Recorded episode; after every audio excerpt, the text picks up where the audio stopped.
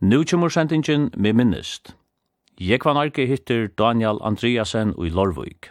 Tria sending.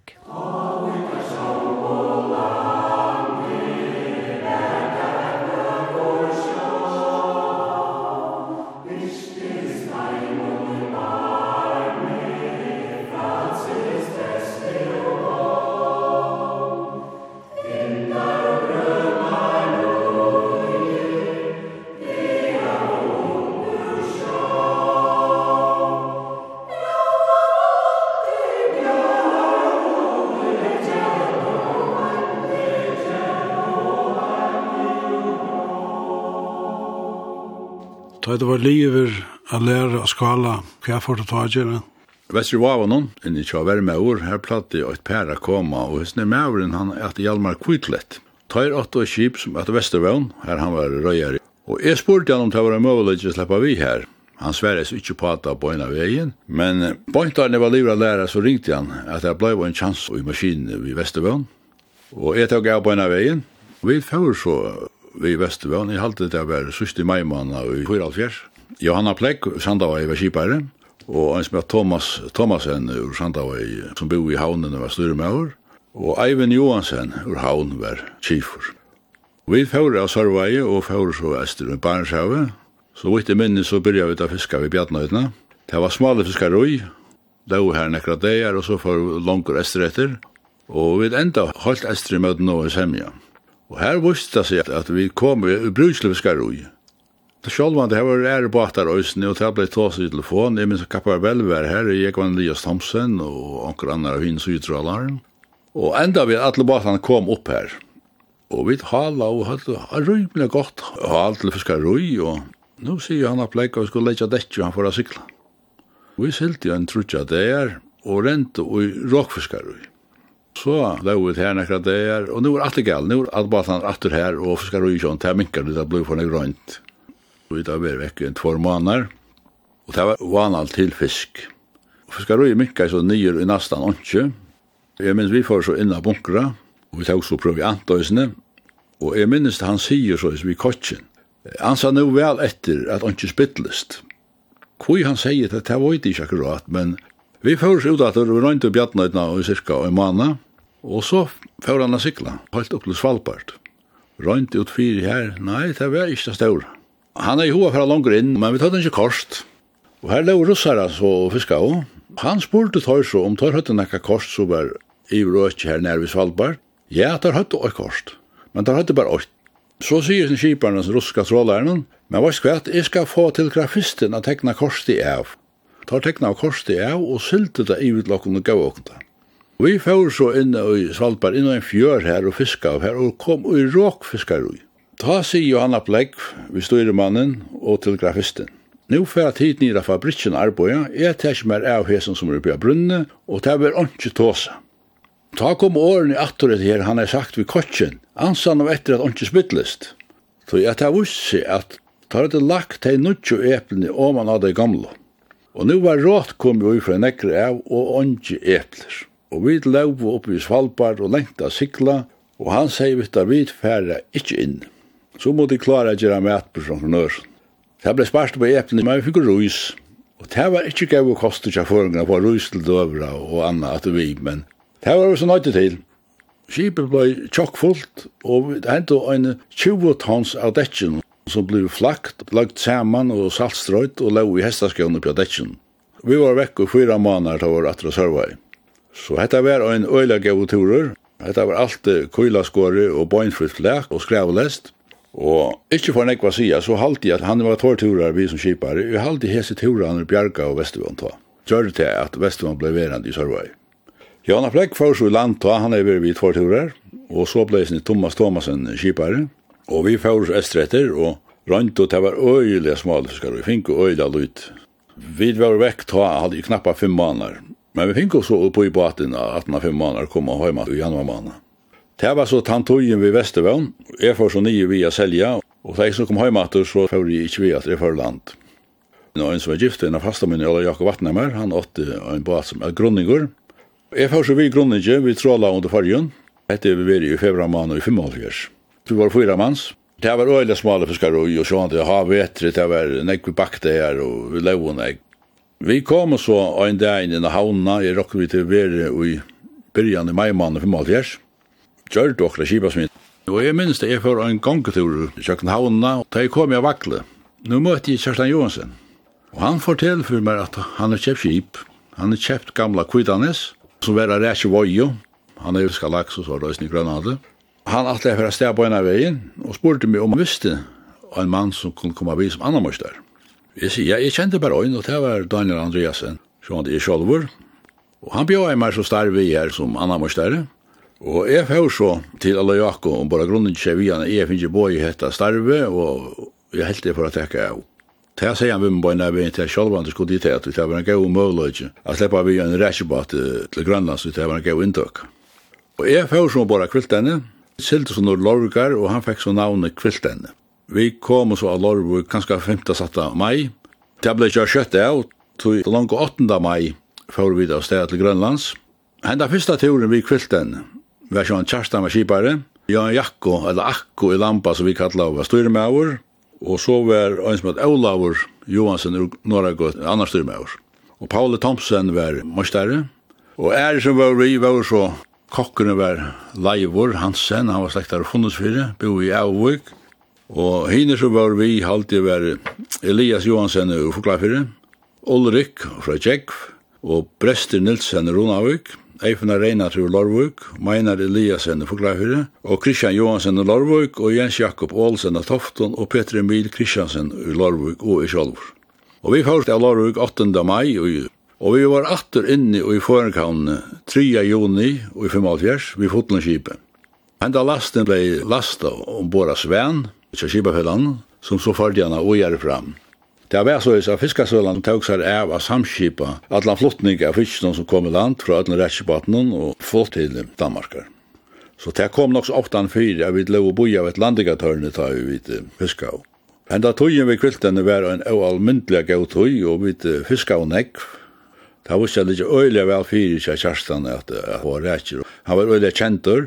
Så han er i veri bei ved Vesterværa, som styrer med år, og han er i veri ved Vesterland, som skipar i åren.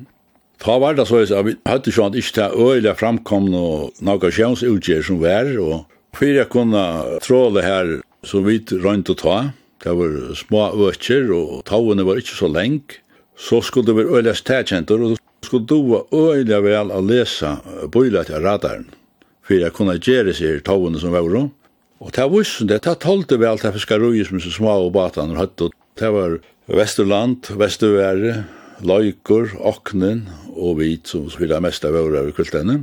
Hine kom så søttene, altså Høyefosser, og Sorvære, Horisont kom og sinte søytene, og Det var også smarre båtar og gjør det ikke så nek som så. Men ta så tar større kom, og så visste jeg som til at, at rønden og, og utgjøren ble for tung. Men jeg minnes vel at jeg ville ta av, så sier jeg nekka ut ur sukertoppen, den her var så spesielt ta, og det var øyla ringt at ta som så. Men han kjært han dutt i øyla vel at ta og hei i fjallatoppaner, og tala vel for vi skratte som så ånds. Og ta kom øyna som stavr i baten, og lykka som lønte jeg lurer okken av. Men det er ikke helt galt. Det Han kom opp at det var bare lemman etter og jo ikke trålt, at det var alt blivit fast det var ikke egna til stora båtar og, og tunga ut. Og det var ofta da man rønt i Asuri at det var så små og tovene nere.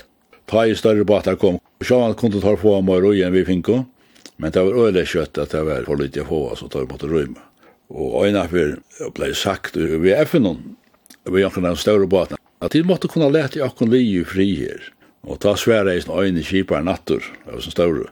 Satsa du svenka, a få i sintur. Så tar blev det ikke, det var så ikke noe å gjøre til at det hadde fått løyve til løysen.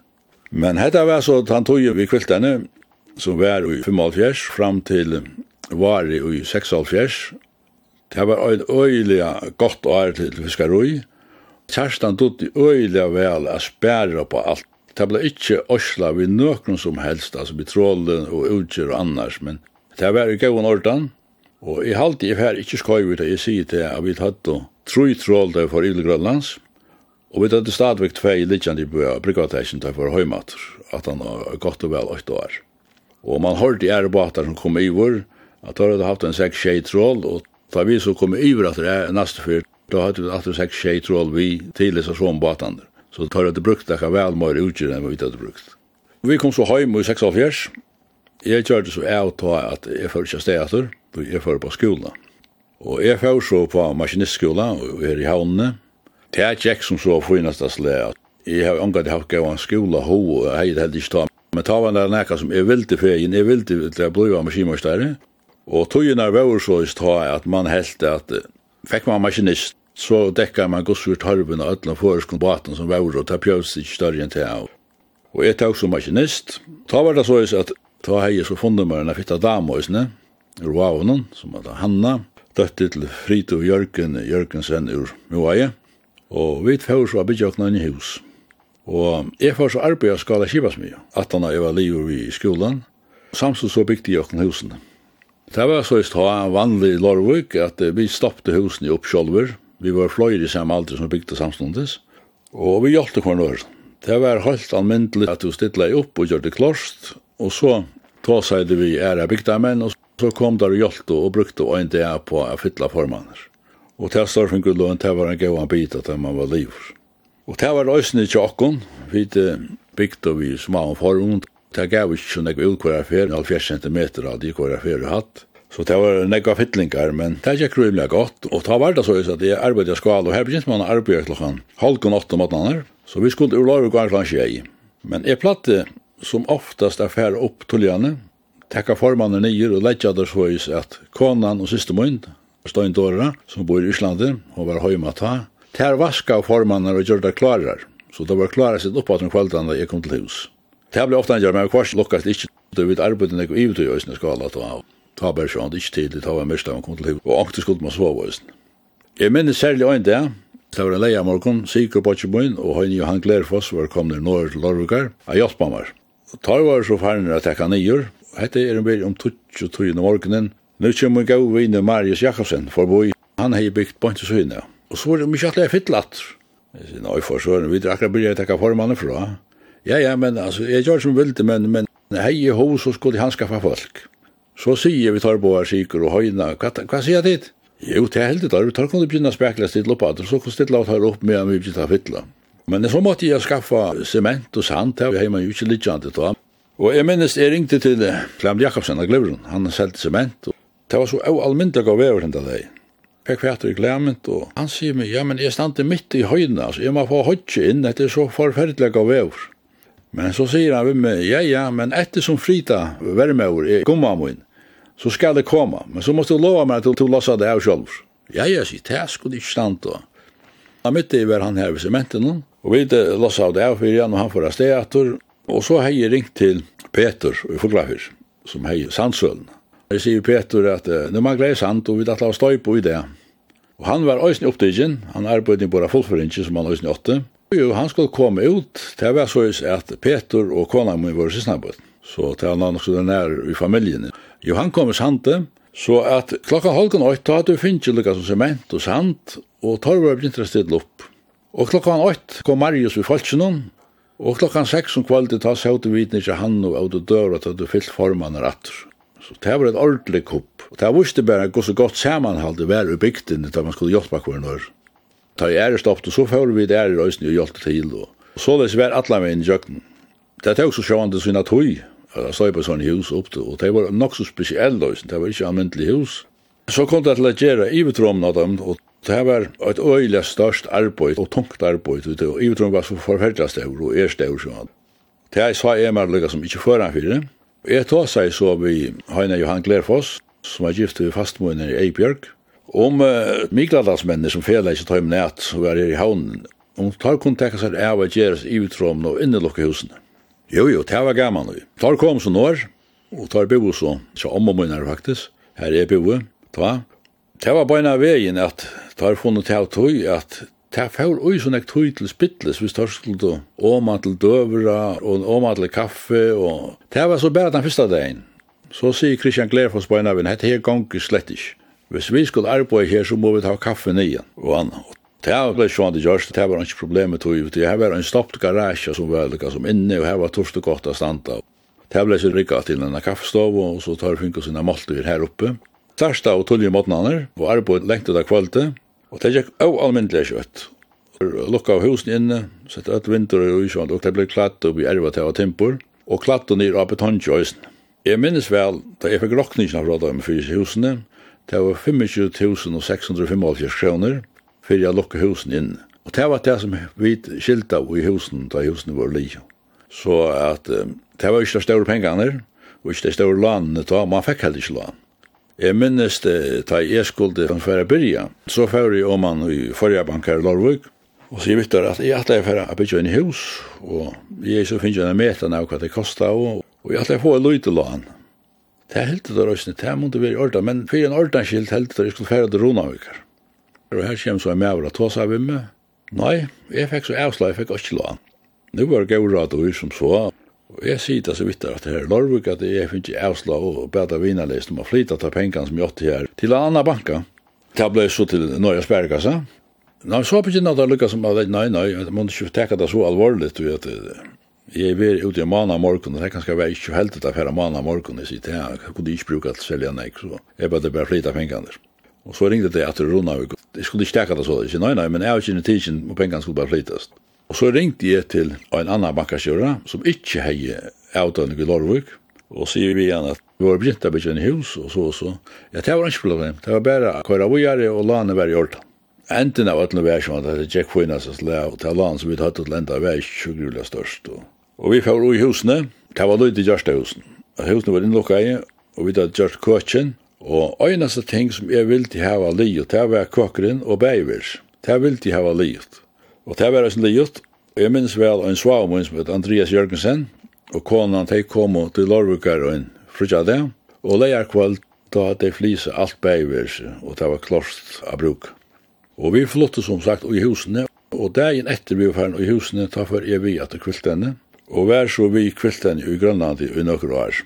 Det var etter å rette var for det meste, men eh, åtta år vi kom hjem, Det var, man blir sette kvoter av, altså, vi tatt i sløy av fiskar, men så snakk tans, det ble bort jant i middel av førsk båtanar. Så hvis en båt fiskar i møyren til han, så miste jeg noen annar. Det her rønte man med omgänga så att jag å från kvarnören. Og ett år vi var kommer hem, då var det så at fiskeransakna stod han lust efter en båt till til å fære røyndarvåja efter svarkalva.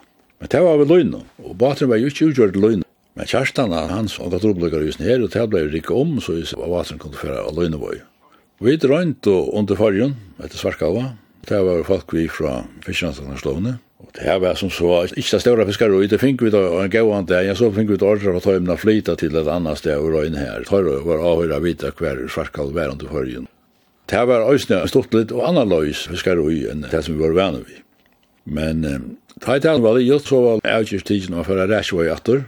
Kjerstan hei nok finnes jeg vita fra landsturen at vi åtte nekka kvoto, estrisja russaren, Landstyr var øyla interessera i at denne kvotan blei oppfiska. Det blei så avgjørst at sovervære og kvilten fjord og estretter. Og så til det var alt nytt, og vi var også nær estermøten av Semja og Langer Estere, og her vi forengar ikke hadde fiska rækjer fyrir i Gostvir, så det blei løydande, men det var som det var løydende få, det var øyla små rækjer, minnest at Kjerstan ringte hjem til fiskasølene, Bøyga som at forvittnes om hva som gjør vi som små rækjener, om vi skulle kåre der i påser, eller i erskir, eller skulle kåkast, eller det skulle være råar, og det var en onker, så sier han, som tok telefonen, og skal sølne og ta seg av kjerstan, og nei, jeg hessen her unge menn helt, hva skal jeg at hatt han løs, slett ikke kåre der bare utdatter. Og ta minnes kjærstan Johansen sier, hva skal jeg Det er ikke nekkar av fiskasølen som er utgjør hva for lasten av kviltene. Men han fikk så fætten Olaf Nilsen og tar avtalen så hvordan det skulle pakkast. Og, eh, hvis jeg minnes rett, så var det en fyrne turer. Vi fikk jo på i båten, og jeg hadde fikk jo 90 gram for kilo av sånn rett, som en sånn unglingen ordentlig økna kvar ut av. Det ble sånn, det heldig ikke gjørst, og ikke akseptere hvordan jeg var åkken eller kjærstan. Det var alt i alt en fyrne turer, en spennende turer, det var nekka nytt. Og hese båten sjøl, hadde ikke den større oljebeholdningen. den jeg hadde kunnet klara seg i øyne og det er så cirka, og så var det ganske sinde. Vi skulle ha olje, og vi lå her ute mot Murmansk. Det ble så tåsatt det fram. Skipafela er veldig som agenter for det russiske vøtje, og tar det ut kjørt avtale vi at vi kunne få olje i Murmansk. Det var så fære sikle inn, vi fyllt oss til så vær og vidt. og da vi kom inn i møte, her er jo en stor hernavarstå inn i Murmansk, og her lå at det er atomrunn og kavbåtene det der. Nå kom disse små i Dødlander og Fargen, og Det er ikke å si at det kom två destroyere av Øynbakvarja Sujo og fylte åkne alle veien inn i Murmansk. Her ble lagt til en abojo.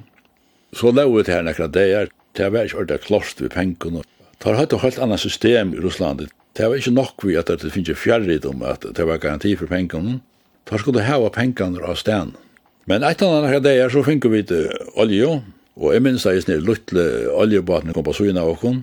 Og vi hadde forbundet slankene og testet av hermene, alle stedene vi i riflen, og ansav øyelig var lett. Og det var bare jeg som slapp ombord, jeg var første mors der da. Jeg skulle så inn i pumphuset, jeg avlet siste tølene. Vi sa her, det var sånn påsar inni her, og jeg får så hitja, og det var sånn, det var brei. Jeg får så forvittnes, hvor det hadde brei her. Og det var sånn, det var så innast det var en annen påse full av vodka. Så tar jeg drukk vodka, og jeg hadde brei at du er så hinn ikke lukta det. Og jeg fær så ombord etter kviltene, og så tok jeg lykka som en bombakka som jeg heller kjent. Og så fær jeg ivrat og bjøy i dem. Og da her mennene sjå til at disse her mennene tok av av bomb som jeg bjøy i dem. Så løtt å ta vapnene, så sier han, og så fær jeg bjøy i tøymon, og vi gikk og frukt i middelen til å være alt i hus deg, og her var andre vapn vi har vidt bunkra av oljena, og vi fink og bæg og et og anna fra dem til så vi ville ha. Så det var ekkulega vinnerlig, men det var øyelig på passelig, for mer virket det som til at det var bengt for kornøren, ikke for jokken. Men vi ble så littjande her i mormansne hva det er, og vi var sånn avtående slippe ut etter. Vi rønt så slepp land, så var det, vi hadde ikke passvitt, det var ikke vanligt man hadde pass passvitt, man får chips da, men nekker av okken hadde sjøfarsbøk, og det fikk så vita at de som hadde sjøfarsbøk kunne slippe land. Akkurat da vi var kommet land, ta kom et ferali fra en estetursk kontroller i land, Og her stod en bussur fyrir tøymen. Og jeg gjør ikke med at jeg hoppet på den samme bussen. Det lær bare som vi var esturskar. Og vi kordet rundt her på morgen, vi tok det til kyrkjon og slotten som bor her. Annar var det ikke nekka selda hudje. Det var gråhus, statsbyggt hus, alla stedene, så det var ikke nekka selda hudje som så. Men, men det var en fine turer. Men det endes vi alltid, alltid vi kom attur her av steg, og vi tatt avtala klokkslett her, vi skulle være borat. Da var det ikke sånn at jeg finna, da jeg tørkene borat. Jeg fikk av skjeld fra russerne kom attur, men Jeg gifte bare økst, og jeg skilte jo ikke, og tar søtt, og tar hun ikke at jeg sier. Men da visste jeg at jeg holdt til kvilten, det sa jeg der kjøpers bøkene, og så jeg ble siltene på kvilten, og det er ikke finnes henne, så slik.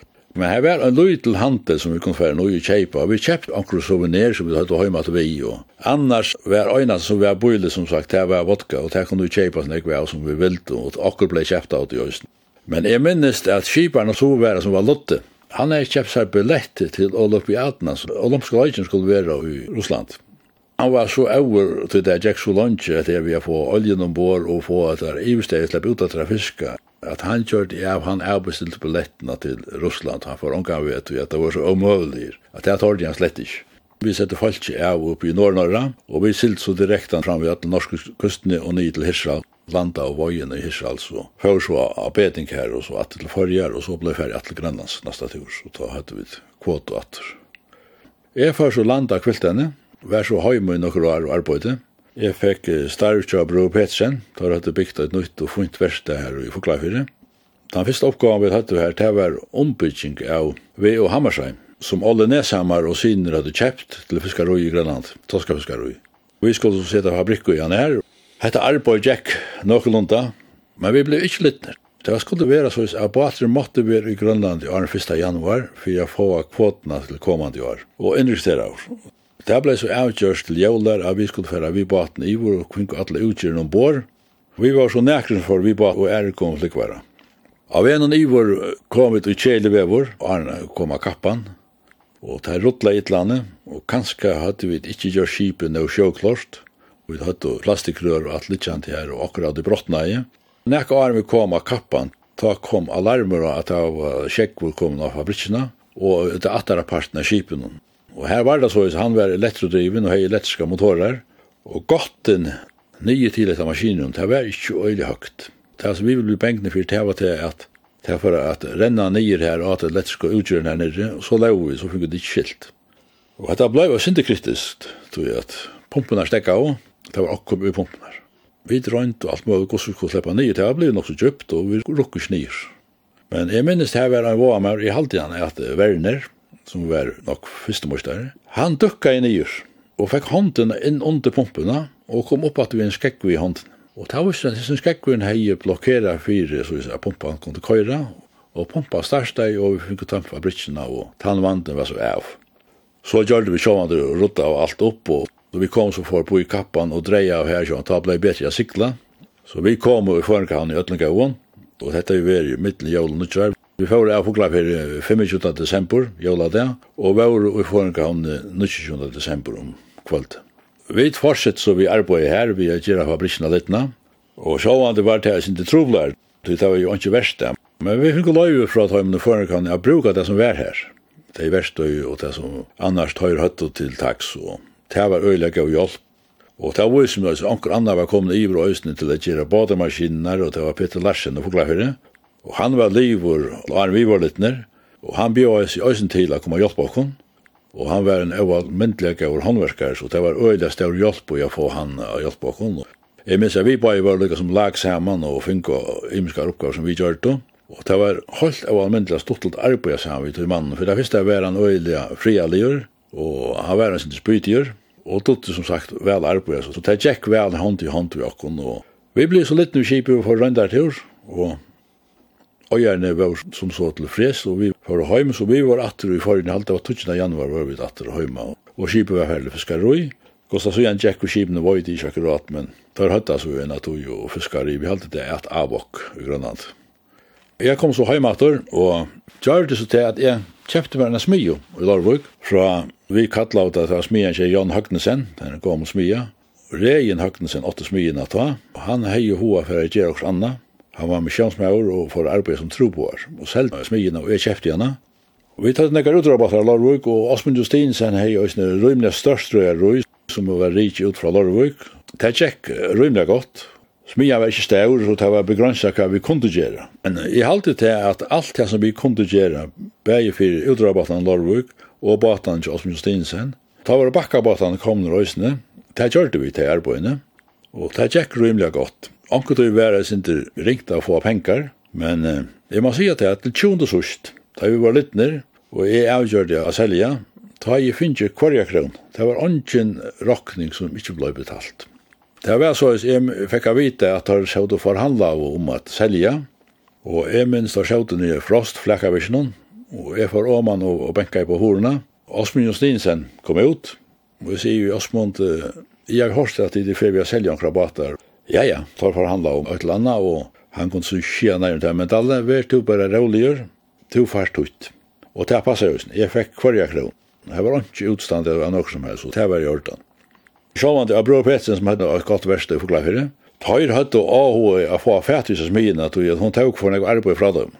Lengt om lunsje så ble det forhandlingar, og jeg sa da at hvis jeg skulle drive seg smidene og hava rokkenskap og sitte og skriva rokkeningar, leierkvalt og sånne der, så ble det sin strevi og Jeg avgjør så å selge smidene til tøyr, men tøyr treita seg ut i at jeg skulle arbeide tøy ut minst tvei år. Og det har jeg så skrivet under på. Tøy og godt år var færre, Så jeg sånne kvalt, jeg kom til hus, så sier vi kvann av at jeg halte at jeg ferdig på maskinskolen. Så det har alltid vært min dreimer. Men så har vi tatt og tro på at det var ikke bare leipa sted, at økonomisk var det nok så tungt, men jeg er så selv smyina og kanskje finner noen kroner på sjurtøy. Så jeg får så til havner, og ta seg Magnus Simonsen, som skriver i maskinskolen, etter samme sånne kvalte. Han sier vi med vårt kvart, tar jeg ikke inn i skolen og en trudja mann til maskinmøster, altså det er kanskje nekka sånt. men hev til hoa byrja så skal slippe inn. Og jeg sier ja takk, jeg kom i morgen. Men så skal jeg lukka som avklare til vi bror Petsen om hver gjør vi nå, og jeg hei stadigvæk og et lydig år etter av kontraktene med tøys. Og jeg tar seg så vi er her Petsen, den gamle stjøren her, og han er ikke sjålvand for, jeg slipper skole da. Men tar noen mennene fra Inger og tar hilde til jeg hei en avtale, og skulle jeg slippe jorden, så måtte jeg betale med jorden. Så jeg måtte betale med leisan for tar sørste noen mannene her, Og det gjør de så, jeg nå har jeg tidsi avgjør det før skola, og det gjør de. Og jeg gikk så i skola. Jeg kom inn og så alle seg kloke mennene sitt her og sa hvordan det råkna og alt det her vi el og motoren og hva var det. Og jeg ser som en drumpor. Men jeg var ikke, jeg sette meg så fyri at jeg tok allar oppgavene som jeg har haft da jeg gikk maskinist, og råkna jeg der i tjøkkenen og lese nok nekv. Ta en tog var fralinn, ta sa jeg, nei, ta var ikke nek klokarne, jeg fører ganske å hale i natar atter. Vi var flere eldre som Jinko i klassene, Og så lærte vi ikke så kjøtt som vi ser unko, men vi tatt at han fordøy damt og nok så vel av siden kveldan i skolan og hjelpa når. Ta halte jeg gjør det til at det ble øyelig og samanfalt i sin klassen. Det var två klasser, det var yngre kjeng i øyne klasse, og vi som var sin eldre kjeng i øyne klasse. Og jeg minnes her kom en lærare i Klaksvik, som kom og undervisa i havnene, Han sier vi jokken, skal at de kom aldri jokken etter, de spyrja sånn eik, og de kom ikke vujer i pensumnen, og så og så. Men jeg var ikke, da jeg avtatt nei, var det bare tvoi som dumpa av jokken, og ur hinklassen halde det var nudjo som dumpa av, altså helten i hinklassen. Så sier så kunne de ikke halde meg, sier vi, ja, nu kan hva sier du nu? Ja, ja, men hatt det er noe gjort. Vi kom oss i jokken etter her, og så er det til at Jekvan Doresen og Tava Landstorsmøver, Han var øyelig avhår i sin utbygging, spesielt maskinmøstere og navigatorer og tekstoskolen, etter vinneskolen og vinnemalen i Vrhøver. Og han arbeidde nok så nekk vi å få seg sørste utbyggingen som er at vukka maskinmøystereprek til forrige, som man ikke kunne tidsi det var man nøytra fra nyra teka. Han tok så avgjør om at sette seg utbyggingen av stavn og skje i fors, og jeg sier jo kona, altså, anna kvartekste nå, etter vi er omgant.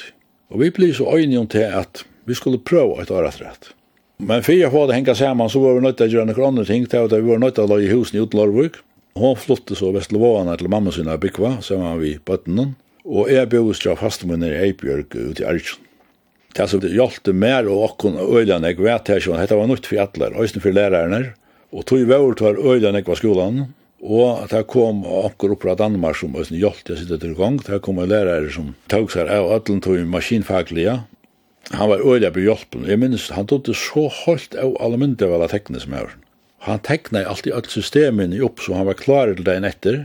Så vi så det lykka som kvaltaner og studera og sier dampsystemet med vei fra kjettelen og alle veien i jøgdøkken og meisar og, og til det kom ui maskineri. Og var Iva Malia så var bare benke på lærerstående, lærerne sjøte her, og så fink vi ta spurningar avklarer som vi tatt. Det var øyla stor hjelp. Det kom så fram med til sommer i Åttefors, her vi skulle så til eksamen. Det var lengre eksamen, akkurat var 8 timer, akkurat var 6 timer og 4 timer, men det gikk rymlig godt. Og jeg minnes særlig at i øynene, det var maskinlærer Trøy som vi kallet av. Jeg hadde vært den sørste eksamen som var, skrivelig. Ja. Jeg orket ikke å lese meg, så jeg var bare ferdig en tur av teknisk skole, og så ut og spalte bob. Da jeg så kom til huset at det var mye er natt, så hittet jeg noen oppgave litt her, og så sitter jeg en oppgave her, så helt jeg at jeg så oppgaven kjente i kjørtene. Jeg sett meg så av rokknene i jøkkenen. Jeg var livet til om 15 i morgenen, tar jeg inn, og så møtte jeg etter skolen klokken halv åtta. Etter at jeg skulle teka fyra tøymer, jeg suttje ta i åpnes oppgavene. Nå er det nøyaktige samme oppgavene som jeg sitter rokkene om natten. Jeg myntest alt tølen i høtten. Tauk og skrive en av nyer, akkurat som jeg myntest denne, og sjåan det skulle vise utdraktningar så, det var krev, hvordan det kom fram til Oslo. Jeg var inne i halvan annan timer. Og så tjekk vi jøkken oppgavene for tre og fire, og så at her var alt rett. Og det var oppgavene til sensoren og forrige ut.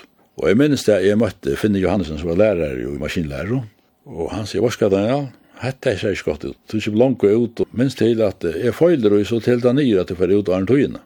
Ja, ja. Det er verst, det er verst, jeg. Jeg har lagt oppgavene for jeg for jøkkenen, og jeg er sikker i at den er rødt. Gås er så mye rødt at jeg skal nok om jøkkenen. Ringen två dagar så fick vi det slide. Og jeg fikk ett til oppgaven at hun var 100% rødt, og det var av tilvilt. Det var ikke at jeg trodde så øyelig å rakna, men det var at jeg hei rakna oppgaven akkurat i jøkkenen. Annars vil jeg si at det siste eksamen mitt tåg, altså bukka maskinmester, var den beste eksamen jeg fikk til maskinmester.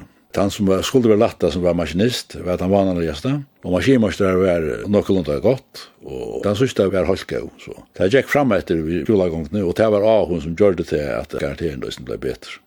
Ta i hetta så var livet sjående, så var a finna seg og regjera. Men fyrst så sier kona vår skvært, nu har vi liva spersommelige, og ansa etter ötlun, vei et halvt år faktisk var det som gikk inn i skolen. Annars hei finnst ikke denne fotle inntøk og ötlaren. Nekver av maskinmasteren som sylte vi uskabaten, tar vi gjerne ha fru om hjelpte i så hørt. Jeg la fram vi, hei så nok så fast en chans vi grønannes vestmanna, tar for ut tria jølade, hvis ikke annan, og kom inn at du har landet til Nudjars, så fikk vi et øyne tur 18 Og hese turene gav så mykje vel at jeg fikk en halv årsindøk. Og så gjør de til jeg i sommerferien skildi ved strandfersene, så jeg unga frivik. Så da jeg arver er og faktisk en høyla årsindøk og allega. Da jeg hette var litt gjort, så sier vi kona, hva skal nu færa vi i ferie. Vi gjør så til jeg vi pakka av bilen, og for oss der, vi trim bøttene til Østlands, og vi kortet rundt Østlands og færa oss til her i Trudjavik, oppe i Vestlanden, vi var Estland, vi var Atlasens rundt, Og enda og så oppe ved Selfoss, her vi var i en sommerhus i en viko, og han får høymater. Så alt i alt var etter en fin tøy. Da jeg så kom høymater, nå viser det at ta løse etter en undervisninger løyere til danskola for danskolafyrskytingene. Jeg har vært nok snakk framme med en i skola, om jeg sier omstøvende til skolan var for vanlige kom så til samtale her til Høymen av landskolafyrskytingene. Det var tvær som var omboi jeg få etter starve, og det enda så vi at effekta. Det er sluttelig å være øsne at jeg hadde sagt etter en psykologi samstånds. Da jeg får jeg sett sittende brev, nå er jeg setter som undervisninger løyer for maskimesterskolen og for skolen som har sosiologer at gjør. Det var sånn jeg skriver for at Anna Debes hense ble sett ut av starve og jeg fikk ikke starve.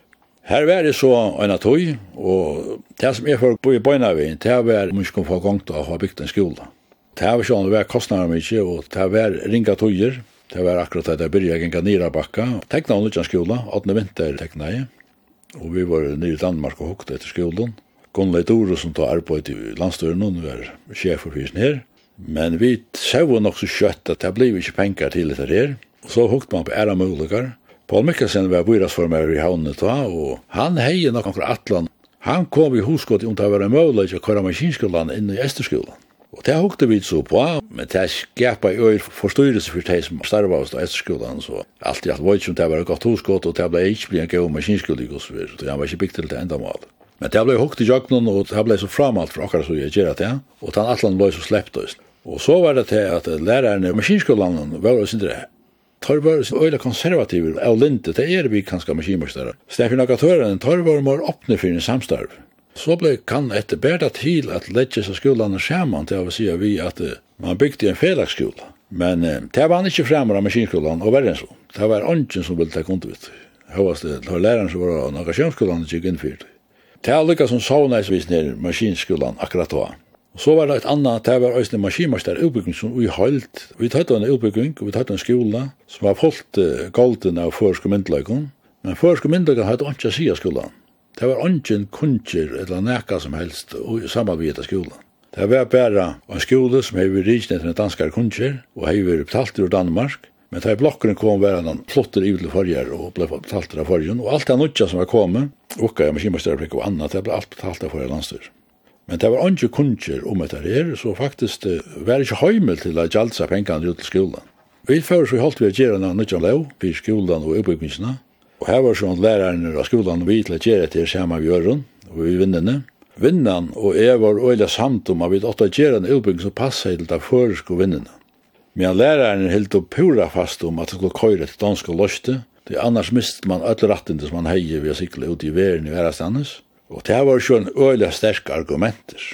Men jeg ser vitt at dette er av sinter øvut. Så i sjømaskolan har man en føreske lauka av, man har føreske sensorer, føreske oppgaver, Og tar er fullt lukka sittla i vi og er minst lukka dyktige som danir til det kjem til Naugasjøen. Jeg er nok snakka funnet vi danska sofarsstyrelse, og det er vist øysne at tar var øyla konservativ, så vil du ikke leta fra seg av nok. Men at han har drikva røynter, fink vi disse her launa litna, og hon kom i løgtingje. Det ble nok steg rumpul da hun kom fire, og ta var Signar Hansen blitt landstyrsmaur i skolamalen. Men Signar hei så sett seg fire at hun skulle jagnu og tog så en fond vi i skolan, og løven kom i jøknen, men jeg minnes han dagen hun ble akkvøtt, han møtte alle manns opp fra skolan hun, og tar det til og med å være sitt at det danske kundgjerne gilt, og sløyfa seg løven. Ikke tog løven sier ikke annet enn alt det som den danske løven sier, og åpna for møveløkken at man kunne ha en utbygging som høska seg ved til førsk vidskifter. Løven kom til jøknen, og det ble heldig fast om det en utbygging, hun fortsatte akkurat som hun var, så hei man måløkker av og øyne motorpassar uppbygging som gav rett nok til at man kunne passa alt vanlig føres kviskfør.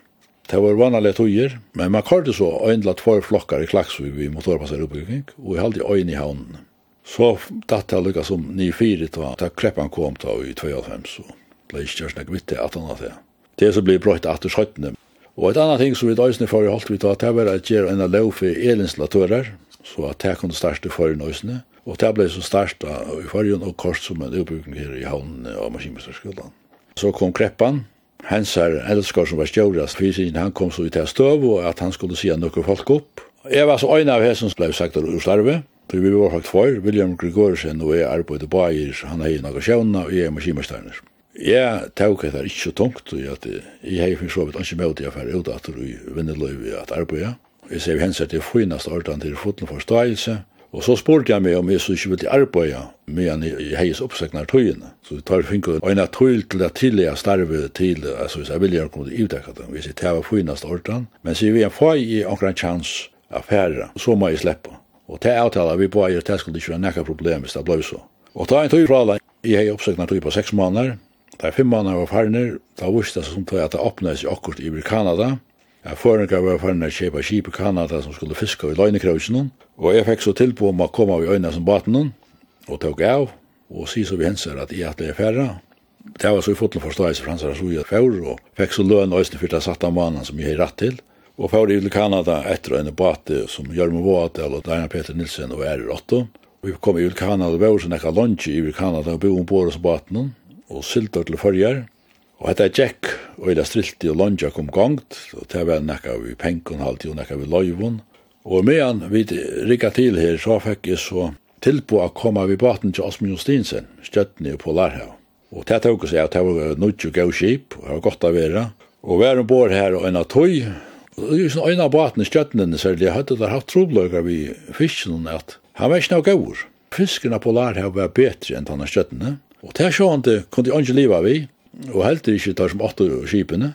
Så ein tur da vi kom inn atur, jeg vil tvær turer vi, nå ble vi oppringter av skrivståmannen til Osmund Justinsen og sagt at vi var atler oppsagt, fra skipare og atler om bare støtten. Og jeg sa han, jeg spurte om grunnene, det var til at fiskere var for vannene i og for ytla hakrøyter.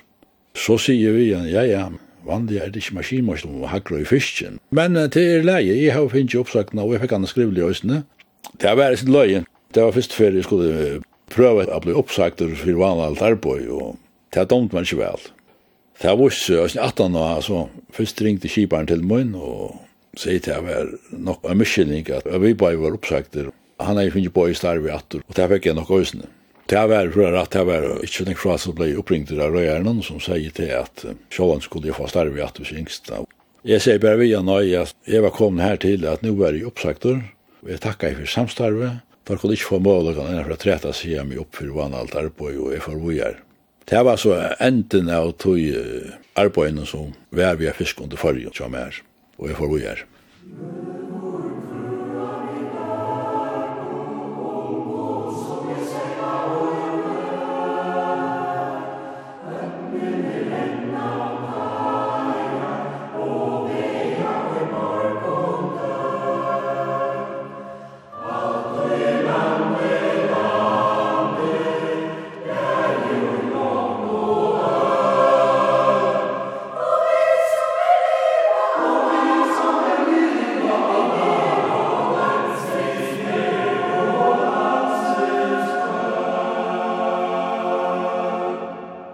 Jekvan Arke hever hitt Daniel Andreasen ur Lorvøyk. Hetta vart tria sending.